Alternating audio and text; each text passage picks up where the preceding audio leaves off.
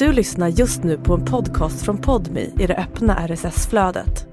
För att få tillgång till Podmis alla premiumpoddar helt utan reklam, prova Podmi Premium kostnadsfritt.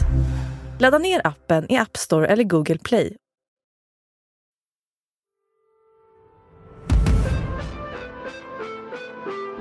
Läkare misstänks ha drogat och låst in kvinna i bunker.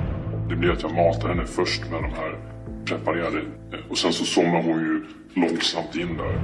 Ser ett plåttak och eh, en man som sitter på en stol. Så säger han att han har kidnappat mig och att han tänker ha mig inlåst i ett par år. På den här gården norr om Kristianstad byggde läkaren en maskinhall under fem år. Vad ingen visste var att han även inuti byggde en isolerad bunker med två säkerhetsdörrar.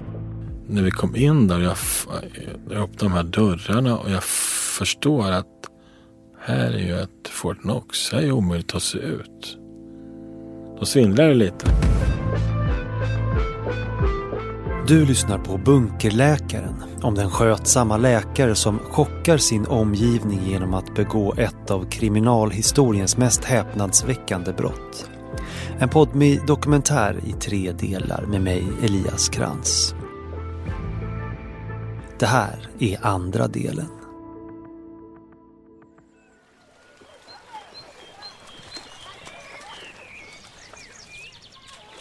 En bit utanför Uddevalla, i ett hus med gym, pool, bastu och trädgård växer Isabelle Eriksson upp i mitten av 80-talet. Hon lever i en kärnfamilj med mamma, pappa och en äldre syster. Och livet, det är lyckligt. Astronaut, hunduppfödare, modell, makeupartist. Isabelle har många idéer om vad hon vill bli när hon blir stor. På gymnasiet väljer hon naturbrukslinjen eftersom hon är en hästtjej. Men det känns inte helt hundra och i andra ring hoppar hon av. Det hon verkligen är sugen på är att se världen. Och efter att ha tagit några ströjobb sticker hon till Australien, 21 år gammal. Hon är backpacker och på ett vandrarhem ser hon en annons i en tidning som ska förändra hennes liv för alltid. I annonsen söker man en striptease-dansare. Ett jobb där man kan bestämma mycket över sin egen tid och där man tjänar gott om pengar. Jag trivdes bra med det, eh, jag jobba inom striptease. Isabelle har tackat nej till att bli intervjuad till den här serien. Men hon har tidigare berättat i TV4s Nyhetsmorgon om hur hennes yrkesliv började. Av en slump så träffade jag en tjej eh, som jobbar som eskort. Eh, hon berättade hur det var. Eh, jag tyckte att det lät spännande och att det var väldigt bra betalt. Eh, så jag tänkte att jag ville testa det. Isabelle börjar jobba som eskort, alltså någon som säljer sexuella tjänster. Och hon trivs med lyxen, så när hon flyttar hem till Sverige igen fortsätter hon med eskortjobben. Och åren de går. Hösten 2015 hyr Isabelle en etta på Östermalm i Stockholm. Hon är fortfarande eskort men efter dryga tio år i branschen har hon börjat dra ner på sin verksamhet. Faktum är att hon funderar på att sluta helt och hållet. Över 30 år gammal vill hon förverkliga sina drömmar, utbilda sig, starta ett hunddagis, träffa den rätte och bilda familj. Men först ska hon ha en träff med en amerikansk affärsman. Klockan är halv fem på kvällen, torsdagen den 10 september, när det ringer på dörren i Isabells lägenhet. På andra sidan står en förväntansfull man i övre 30-årsåldern. Välbyggd och lite kortare än Isabelle och uppklädd i vit skjorta, hängslen och kostym.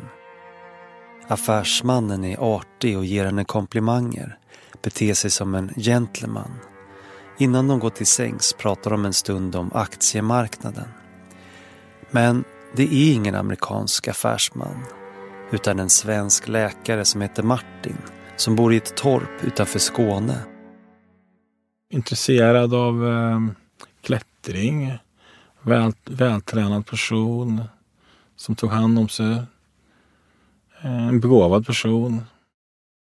Åklagare Peter Claesson har jobbat med fallet Martin, eller bunkerläkaren som han ska komma att kallas. Det som framkom i alla fall var väl att, att han själv tyckte att han, att han hade lite svårt med relationer med, med andra personer, eh, framförallt kvinnor då. För efter att ha blivit lämnad av sin flickvän och fallit ner i en depression har Martin fattat beslutet att lösa sina problem genom att bygga en ljudisolerad bunker. Där planerar han att spärra in en eller flera kvinnor. Så här i efterhand hade det väl antagligen varit bättre att söka professionell hjälp då, men eh, det finns ju inte bara hos mig utan hos många andra läkare en ganska stor eh, stort motstånd mot att söka hjälp hos någon annan i samma profession. I över fem år har Martin öst ner både energi och stora summor pengar i sitt byggprojekt utan att någon runt omkring honom anat något. Tvärtom har han lurat sin omgivning att han är en riktig mönstermänniska. Jo, han var hemskt trevlig så det var. Han var omtyckt av patienterna. Jag har aldrig hört ett klagomål. De kände sig trygga med honom. Men nu låtsas han alltså vara en amerikansk affärsman. En enkel uppgift för Martin som bott i Florida under sin uppväxt. Han har ju en plan att göra någonting med henne. Så han kan ju inte veta om hon berättar för någon kompis att eh, ja, då har hon berättat om en amerikansk affärsman som håller på med aktier i London. Inte om en stafettläkare i Kristianstad på vårdcentral. Jag tror säkert att det är bara en försiktighetsåtgärd från hans sida. Martin har tidigare ratat ett antal kvinnor som möjliga kandidater till sin bunker. Men när han hittar Isabelle på en eskortsida fastnar han direkt. Isabelle får ett positivt intryck av sin kund. Samtidigt är det något med hans blick. När sexköpet genomförs stirrar affärsmannens grönblå ögon rakt in i hennes på ett sätt som ger henne kalla kårar. Men Isabelle slår bort obehagskänslan. Och när de klär på sig är han sitt gentlemannaaktiga jag igen. Med en puss på hennes kind tackar han för sig och lämnar lägenheten. Och vid sjutiden sitter affärsmannen, eller Martin, på tåget tillbaka till Skåne. För hans plan var inte att kidnappa Isabelle. Inte den här gången. Bilder på eh, den som säljer sex eh, är inte alltid samma person som den som väl dyker upp i, i så när man har bestämt träff. Så jag, jag är övertygad om att han ville ju se vem hon var och prata med henne och att hon såg ut som hon gjorde på bilderna och allt det där.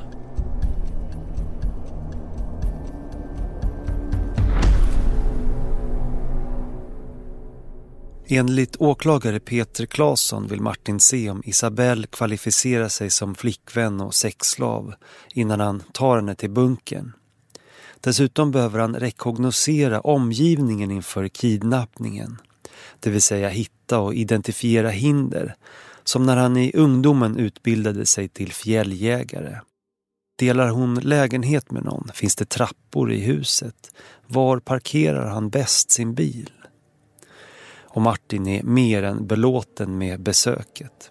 Innan de skiljs åt har han hunnit boka in en ny träff. Isabelle får veta att han ska på en affärsmiddag om två dagar. Det gäller en flott trerätters historia på restaurang med hans kollegor och deras fruar. Och han vill inte komma utan sällskap helt enkelt. Det är förevändningen. Och då ska han betala, jag tror det var 15-16 000 kronor för, för den insatsen då. Och det är underförstått att det är sexköp det handlar om också. Jägaren är nu redo för sitt byte.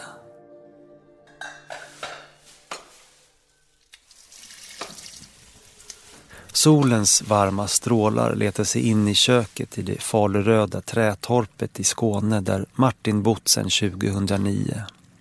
Det är lördag morgon klockan åtta och han är redan uppe och donar. På köksbänken står en kartong med jordgubbar, en ask med medicin, en mortel och en porslinsskål fylld med smält choklad. Premedicinering, lika med flunitrazepam, 1 milligram i jordgubbar, druvor. Om otillräcklig effekt, extra 0,5 milligram i dricksglas, vatten, alternativt druva. Klinisk effekt efter 20 minuter. I vardagsrummet ligger listan med medicinska instruktioner. Men vid det här laget kan han dem utan till. Martin sträcker sig efter medicinen, krossar tabletterna i morten och doppar jordgubbar A lot can happen in the next three years.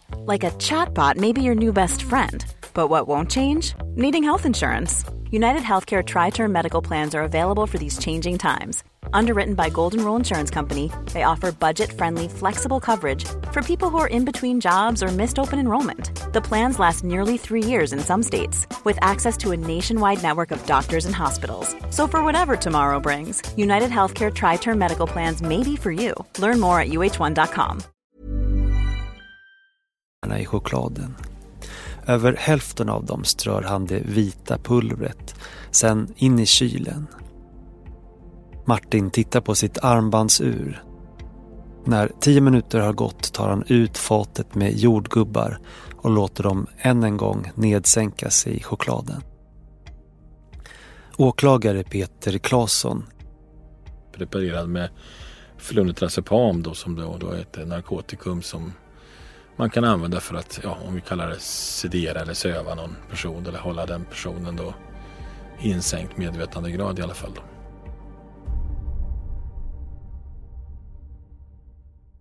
Som krona på verket ritar han ett tunt svart streck i tusch på några av jordgubbsbladen. Han har ju varit lite finurlig så han hade ju märkt, det, är såna, det kallas för foderblad, den här gröna blasten på jordgubbar. Och de har ju han ju då eh, markerat av de som då är ja, gift eller flunitrazepam i då. Sådär ja, ner i kylväskan tillsammans med en flaska champagne, en Brämhults apelsinjuice och några kylklampar. I hallen står redan en färdigpackad kabinväska med föremål han köpt in under sommaren. Falska ID-kort, norska registreringsskyltar, verklighetstrogna latexmasker medicinsk utrustning. I fem år har han byggt en betongbunker för att hålla en kvinna fången och när han väl ska skrida till verket har inget lämnats åt slumpen. Ja, väldigt noggrant, alltså det är minutiöst. Det är ju utrustningslista, vad han ska ha med sig, hur han ska göra. Ja, det är ordning och reda vad han ska göra och så. Strax före tio på morgonen rullar Martin ut kabinväskan till sin bil. Och efter att ha ställt in kylväskan och en vikbar rullstol i bagaget lämnar hans svarta Volvo Skåne.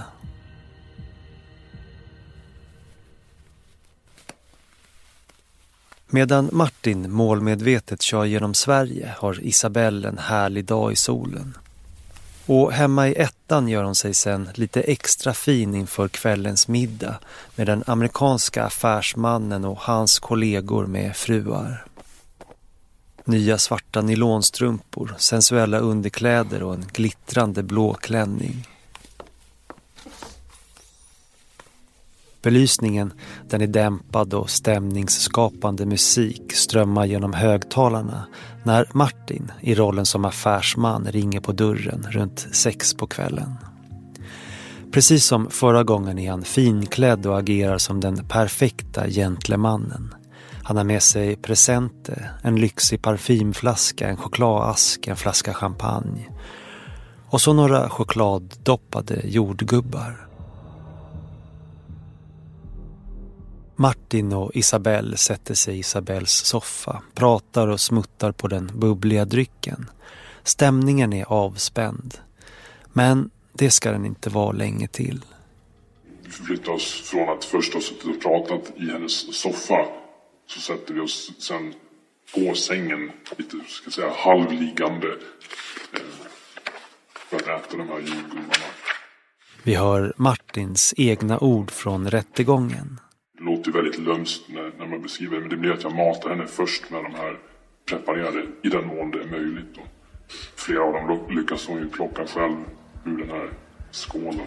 Eh, och sen så somnar hon ju långsamt in där.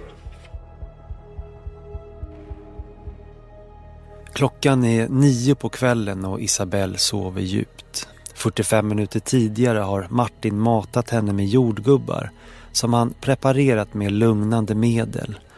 Och nu har medicinen uppnått full effekt. Bredvid den nedsövda Isabelle sitter Martin ensam vaken. Tankarna far runt i huvudet. Jag börjar fundera på, så att säga, på allvar och vad jag egentligen håller på med i det läget där.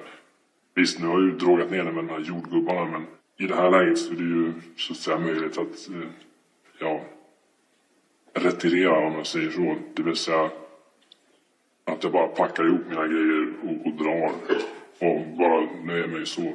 Åklagare Peter Claesson. Så det tar en stund där. Det tar ganska lång tid och, och varför det tar så lång tid? Och där skulle, om jag spekulerar, kanske att det, det, är lite ångest i att göra den här grejen. Att man är, kanske funderar på om man ska göra eller inte. Medan Martin överväger om han ska fortsätta till nästa fas så går tiden. En timma blir till två. Och snart håller Isabelle gradvis på att vakna till. Då är det ju lyck lyckligt att jag har de här, eller den här i förväg preparerade juicen som finns i kylskåpet. I kylväskan från Skåne har Martin lagt ner en flaska Brämhults apelsinjuice som han spetsat med lugnande medel ifall Isabelle skulle vara allergisk mot jordgubbar.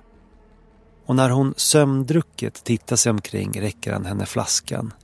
Hon får i sig några klunkar och somnar strax på nytt. Martin har köpt sig mer tid. Men fortsätter ju fundera på om jag verkligen ska bara rafsa ihop mina grejer och dra därifrån. Det hade förstås bra om jag hade gjort det, men eh, ja, nu blev det inte så. Men då börjar jag komma till ett läge, då, då får jag verkligen bestämma mig här. Nu har jag ju inte någon mer, varken jordgubbar eller någon juice, ingenting så att säga att äta eller dricka som innehåller några fler av de här preparaten. Så om jag inte gör det nu, då, då är det dags att dra. Med den drogade Isabelle i sängen springer Martin ner till bilen för att hämta rullstol och kanyl. I hans svarta kabinväska ligger verklighetstrogna latexmasker som föreställer en äldre man och en kvinna. Han menar att det skulle han ju maskera sig själv och även maskera målsägaren så. Så att om man skulle köra henne i, i den här rullstolen sederad från lägenheten till, till hans personbil här eh, så skulle de ju vara maskerade för att ingen skulle känna igen dem helt enkelt. Eh, de är ju, de är ju uppseendeväckande de här maskerna måste man ju säga. Men det är ovisst om han faktiskt använder dem. Klockan närmar sig ett på natten och ute är det mörkt och folktomt. Allt har dragit ut på tiden och nu vill Martin bara iväg. Han för in kanylen i Isabells arm och sätter henne i rullstolen och ser till att stänga av hennes mobil. Med hennes telefon och lägenhetsnycklar i handen rullar han sen iväg Isabelle. Så placerar han henne i sin svarta Volvo med norsk registreringsskylt och sätter kurs mot Skåne.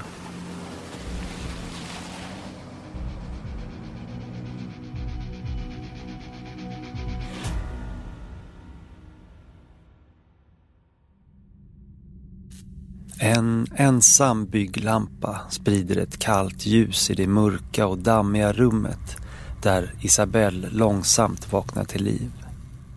Kroppen är mör och huvudet tungt. Ovanför henne ser hon ett veckat plåttak. Det ska dröja innan hon förstår vad hon är. Men hon inser att något är fruktansvärt fel. Eh, när målsäganden vaknar i Kristianstad då eh, har hon inga trosor på sig. Hon har en annan topp. Och så har hon ett par jeans, sina jeans. Och hon vet ju inte vad som har hänt. Hon vet bara att hennes kläder de hade på sig, de har hon inte på sig nu. Och på en stol bredvid sängen där hon ligger sitter en man och tittar på henne. Vi hör Isabelle berätta i SVTs Skavlan. Och så ser jag att jag har en kanyl i armen som jag hastigt sliter av. Så säger han att han har kidnappat mig och att han tänker ha mig inlåst i ett par år. Isabelle är chockad och förvirrad. Mannen hon trodde var en amerikansk affärsman pratar plötsligt perfekt svenska. Med lugn och saklig röst som till en patient berättar han att han är läkare och att han inte tänker skada henne.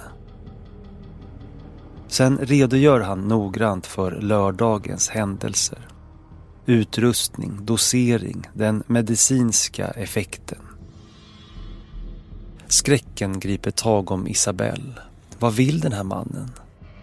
Men snart lämnar overklighetskänslan henne och hon förstår att hon är kidnappad. Men hur länge?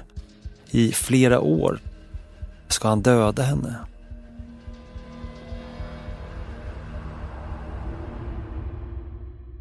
Åklagare Peter Claesson igen. Jag tror att man måste bli uh, jätterädd och förtvivlad. Det måste vara otroligt omtumlande och skräckenjagande händelse. Martin gör sitt bästa för att tydligt besvara Isabells frågor, förutom var de befinner sig. Han berättar att hon är hans flickvän. Det är viktigt att hon äter och sköter sig och att hon man kan hjälpa henne med det mesta. Han kan till och med förlösa henne om det skulle vara så. Men det är noga att hon är viktig, är, är noga med tänderna för han kan inte... Hej, jag Ryan Reynolds. På Mint Mobile, we like to do the opposite of what Big Wireless does. They charge you a lot, we charge you a little. So naturally, when they announced they'd be raising their prices due to inflation, we decided to deflate our prices due to not hating you. That's right. We're cutting the price of Mint Unlimited from $30 a month to just $15 a month. Give it a try at mintmobile.com slash switch. $45 upfront for three months plus taxes and fees. Promo for new customers for limited time. Unlimited more than 40 gigabytes per month. Slows. Full terms at mintmobile.com. Inte hantera hennes tänder då. Han kan inte vara tandläkare helt enkelt. Eh, men i övrigt så kan han hantera hennes hälsa och sådär. Det, det är liksom inte en vanlig flickvän i den meningen att det skulle kunna bli någon typ av ömsesidig relation men han, han vill på något sätt äga den här kvinnan. Bengt Jarl är rättspsykiater och har jobbat med sexualbrottslingar i över 25 år. Han har fördjupat sig i fallet med Martin och enligt Bengt handlar Martins idé om en flickvän snarare om kontroll och att ha makt över en kvinna. Och det är just i de här eh, fallen med de här personerna som kidnappning kan förekomma. Att man vill äga sitt offer så att säga. I rollen som flickvän ska Isabelle ha oskyddat sex med Martin två till tre gånger om dagen menar åklagare Peter Claesson. En sexslav alltså. Men först måste han se så hon inte har några könssjukdomar. Han hade skapat någon eh, fiktiv flyktingkvinna på vårdcentralen där han arbetade eh, och eh, att han använt den personen för att lämna in prover från målsäganden. Och han tvingade ju henne då att när hon väl var i bunkern, att utföra ta prover på sig själv helt enkelt. Förutom att ställa upp på sex ska Isabelle städa och laga mat. Och hon ska bo i bunkern. Det var han väldigt stolt över den här bunkern. Eh, det är ju fantastiskt bygge måste man säga. Det, det kan man ju bli imponerad av själva bygget. Men det syftet med det och vad som det används till det är ju såklart otroligt skräckinjagande och fasansfullt för, för målsägaren. Så. Isabelle har vaknat upp till en levande mardröm. Men det finns fortfarande en fråga hon bävar för att ställa. Den om varför hon har nya kläder på sig. Och hon, hon frågar vad som har hänt och eh, hon har i vart fall berättat om att hon har uppfattningen att att han har sex med henne innan de lämnar lägenheten i Stockholm. Tårarna väller upp i Isabells ögon. Panikslagen säger hon att han måste släppa henne. Men med en kall blick så svarar Martin bara att det inte är möjligt. Det här är hennes hem nu.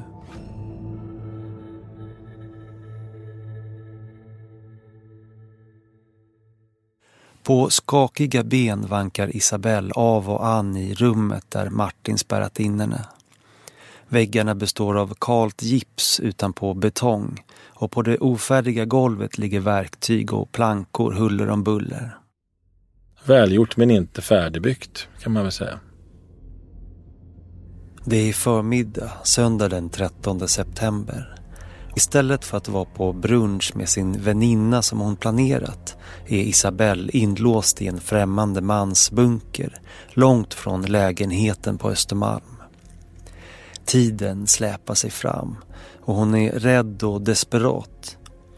När Martin slagit igen dörren efter henne och gått in till sitt torp bestämmer hon sig för att försöka fly.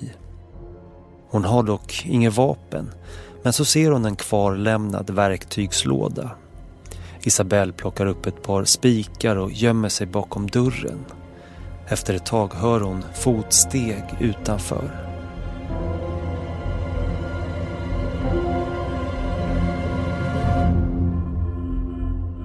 Men jag var fortfarande så pass drogad då så det blev inget bra försök. Så han tar tag i mina handleder väldigt hårt och säger att om jag försökte något sånt igen så skulle han eh, kedja fast mig vid sängen och bara ge mig knäckebröd att äta.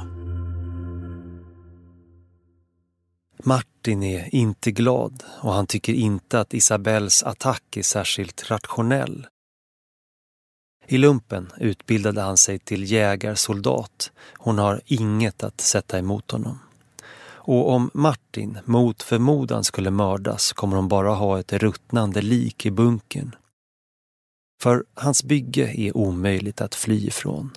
Det har tre bankvalvsliknande dörrar. Två av dem har kodlås och bara han kan koderna. Han har inte en chans att ta sig ut därifrån. Inte ens om hon hade lärt sig den här första koden på, på dörr ett så har hon ju aldrig sett honom öppna dörr två. Utan då hade hon ju liksom kommit till dörr två. Det hade hon ju aldrig klarat. Så jag insåg att jag var tvungen att börja spela mina kort rätt. Att han inte skulle se mig som ett hot. Så jag valde att vara tillmötesgående och först då kanske det fanns en möjlighet att han till slut skulle lita på mig och att jag kanske fick någon möjlighet att fly då. Isabelle har drogats, rövats bort och spärrats in i en betongbunker på en okänd plats. Hon vet varken vad hon är eller om det är natt eller dag. Men för Martin rullar livet på som vanligt. När söndag blir måndag startar en ny arbetsvecka. Klockan sju på morgonen tar han bilen in till Kristianstad där han jobbar som läkare på vårdcentralen. I någon mening så har han nog klart för sig att det här inte är förenligt med vad som är rätt och fel, eller vad som är rätt. Rättspsykiater Bengt Jarl igen. Men däremot så, så eh, har man den här störningen så tror jag att eh, den tar alltid över i någon mening. Alltså, han har ruvat på det länge. Han har liksom byggt upp en väldigt stark och intensiv spänning kring det här.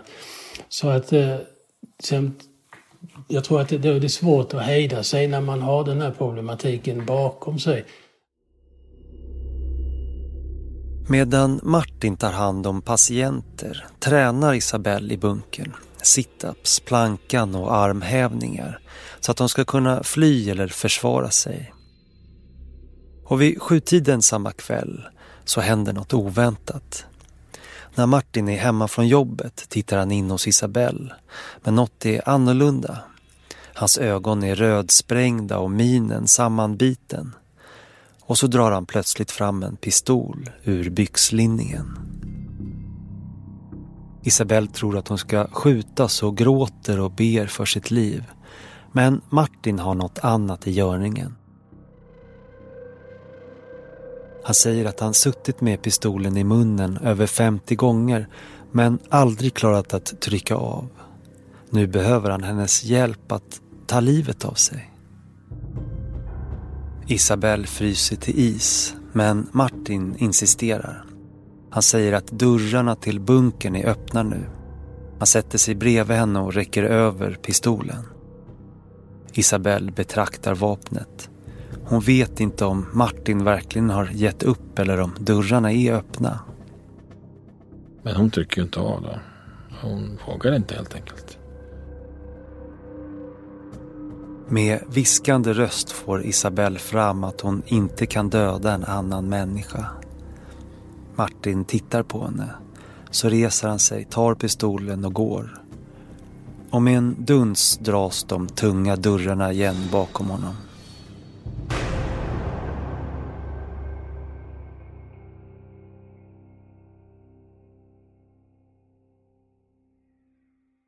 Peter Claesson, åklagare.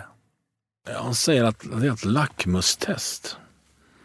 Alltså han vill testa, den är ju oladdad då. Så han vill testa om man ska trycka av. Och det är väl frågan om man kan lita på den eller inte. Jag tror att i hans, i hans eh, huvud är det, är det någon, sorts, någon sorts kontroll helt enkelt.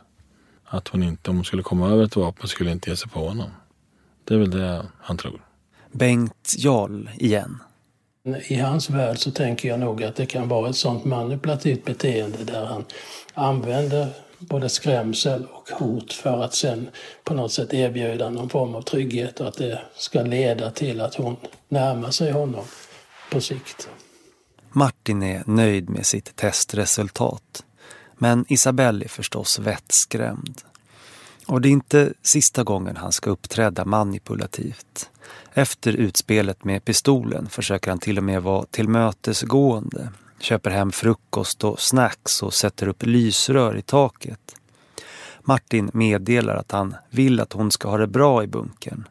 Snart ska han ta dit en soffa med soffbord, några böcker, en iPad och TV så hon inte får långtråkigt.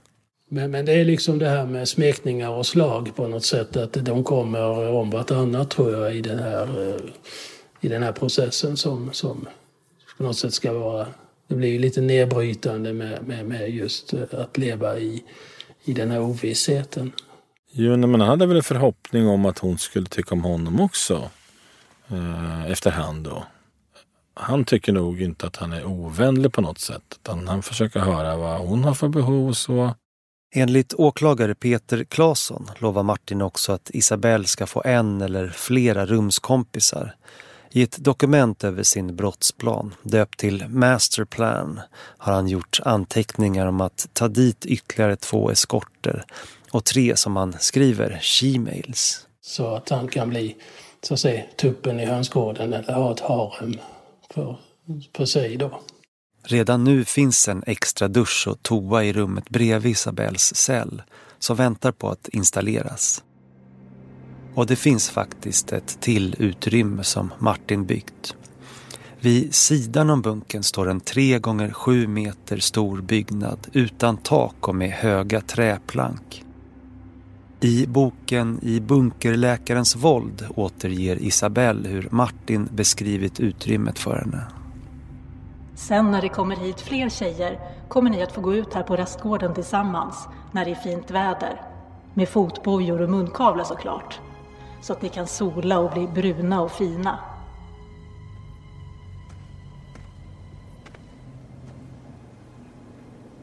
Martin rastar Isabelle på grusplanen utanför bunkern där hon gör sitt bästa för att samla ledtrådar om vart han tagit henne.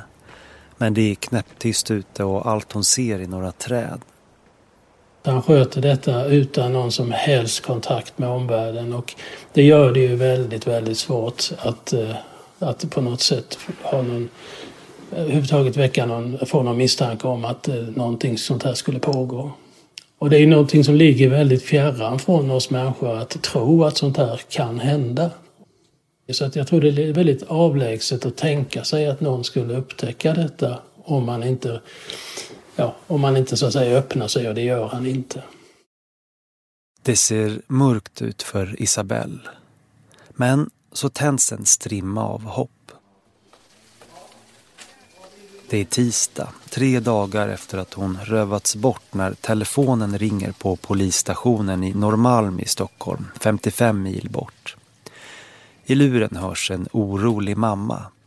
Hennes dotter har inte gått att nå sedan i lördags och det är inte likt Isabelle att inte höra av sig. Polisen intygar att de flesta som försvinner återvänder av sig själva men lovar att de ska undersöka saken. I bunkern utanför Knislinge i Skåne ber Isabelle till Gud om att bli räddad. För varje dag som går blir hon mer och mer nerbruten. Hon har påsar under ögonen, dålig mage och börjar få utslag i ansiktet av all stress. Kudden är dyngsur av tårar. Men så tycks det som att bönerna äntligen har besvarats.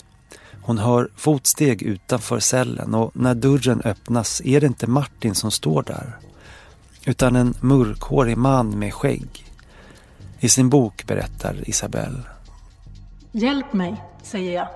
Jag har blivit kidnappad. Jag är inlåst här. Bara att få säga orden till någon är som en livlina. Är det över? Ska jag få komma härifrån nu? Men något är skumt. Istället för att rycka ut till undsättning står den skäggiga mannen kvar på sin plats, tittar på henne. Sen tar han ett fast grepp om sitt ansikte och drar av sig det. Förstår först inte vad det är som händer. Men sen ser jag. Det är Martin. Martin har tagit på sig en av de verklighetstrogna latexmaskerna som han köpte hem för att maskera dem under kidnappningen.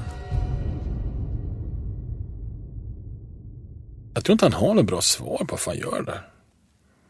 Skoja lite. Och det var väl egentligen bara en udda sak att göra. En, en otrevlig, ett otrevligt bemötande. Och eh, ett till då. För det var ju många otrevliga bemötanden såklart. Isabelle är ensam med bunkerläkaren Martin och att spela snäll och foglig börjar tära på henne mentalt. Så när hon upptäcker några små spikar på en kvarglömd bräda leker hon loss dem och gömmer i fickan på sina jeans. Om tillfälle uppenbarar sig tänker hon göra ett nytt försök att attackera Martin. För skräckfilmen som är hennes liv har bara börjat. Martin vill ju inte bara ha en flickvän i bunkern utan en sexslav enligt åklagare Peter Claesson. Och vad Isabelle ännu inte vet är att den som inte lyder kommer att bestraffas. Han har bland annat någon, något föremål i den här bunkern som man kallar för knullbänk. Eh, och, eh, och där ska det ske saker då med den som inte gör som han vill helt enkelt. Onsdagen den 16 september, den fjärde dagen i bunkern, erbjuds Isabelle att ta en dusch inne i Martins torp. Han har ännu inte installerat varmvatten i bunkern. Isabelle som är smutsig av byggdamm och har flottigt hår tackar ja. Och efter att hon blivit ren föreslår Martin att de ska tillbringa natten ihop i hennes cell. Hon vill ju inte det egentligen men hon går ju med på det så han ligger bakom henne som de skedar så. Och hon känner att han är hård. Det, det känner hon. Hon tror att han tänker liksom ha sex med henne. Men lyckligtvis vill han bara sova. Provsvaren som Martin tagit på Isabelle har inte kommit än.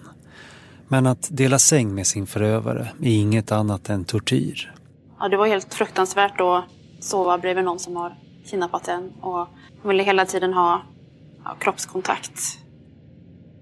Och värst av allt är att Martin berättar att de alltid ska sova ihop framöver. Och så drar han henne tätt intill och smeker henne över håret. Isabelle stelnar till och vågar knappt röra sig. I flera timmar ligger hon klarvaken och gör sitt bästa för att inte nudda honom. Men Martin sover gott.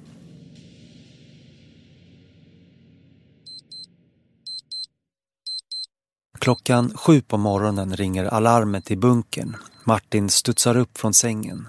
Tre dagar i veckan jobbar han ju på vårdcentralen men idag är det torsdag, ledig dag. Men schemat är fullspäckat. Han ska på U2-konsert i Stockholm med sin storbror. Och i samma veva ska han in i Isabells lägenhet på Östermalm och röja undan bevis.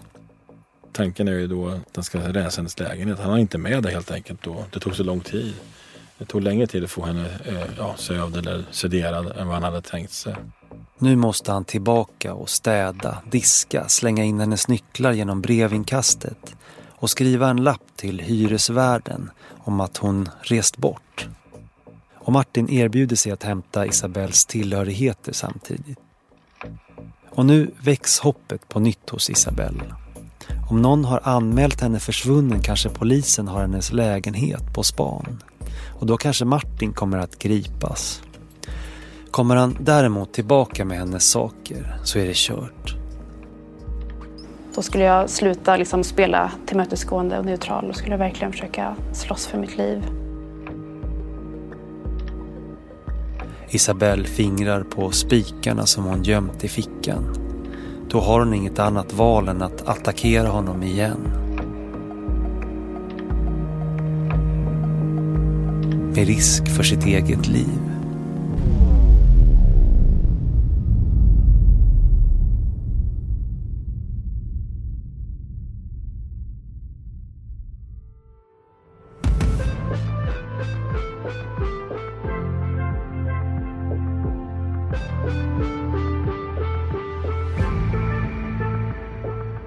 I nästa avsnitt av Bunkerläkaren. Det jag minns speciellt var ju när jag kom in och man började fota av allting. Det var ju den här boken som låg på sängen i djävulens sällskap. Varför man ger han en sån bok alltså. Ganska omgående därefter så visade det sig att den mannen som satt där var några meter bakom dörren eh, ifrån förhörsrummet sett eh, var den som då skulle varit misstänkt för det här grova brottet. Och sen så var det någon sån här rättegångsbild på honom och då tyckte jag så här, men det, här ser ut som Martin. Och så var jag jättechockad den dagen liksom. Uh, han, han, han kallades för bunkerläkaren. Jag, jag, gick för mig själv resten av dagen och bara så här, bunkerläkaren. Han har ju berättat om att han haft en annan kvinna där innan den här målsäganden var där. Eh, och de träffas på hotell i Oslo. Och då ska han då enligt egen uppgift ha motsvarande sätt ha citerat den där kvinnan och använt den där rullstolen i något hotellgarage och eh, eh, kört henne till eh, bostaden utanför Kristianstad och, och eh, haft henne i bunkern där.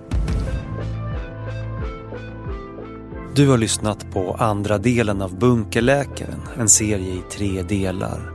Reporter och manusförfattare var Marie Fjällborg och producent var Elias Krantz. För ljudläggning och slutmix svarade Andrea Fantuzzi. Exekutiv producent på SMT var Anna Iversen och exekutiv producent på Podmi, Emilia Melgar Arnheim. Bunkerläkaren görs av SMT exklusivt för Podmi. Nyhetsklippen kom från Aftonbladet, Expressen, Nyhetsmorgon i TV4 och vi hörde även klipp från Skavlan i SVT. Isabelle Eriksson heter egentligen någonting annat och det gör även bunkerläkarens kollega Gunilla och hans barndomsvän Johan. Och deras röster är ersatta i dokumentären. I vår research till det här avsnittet har vi bland annat använt Isabells bok I bunkerläkarens våld.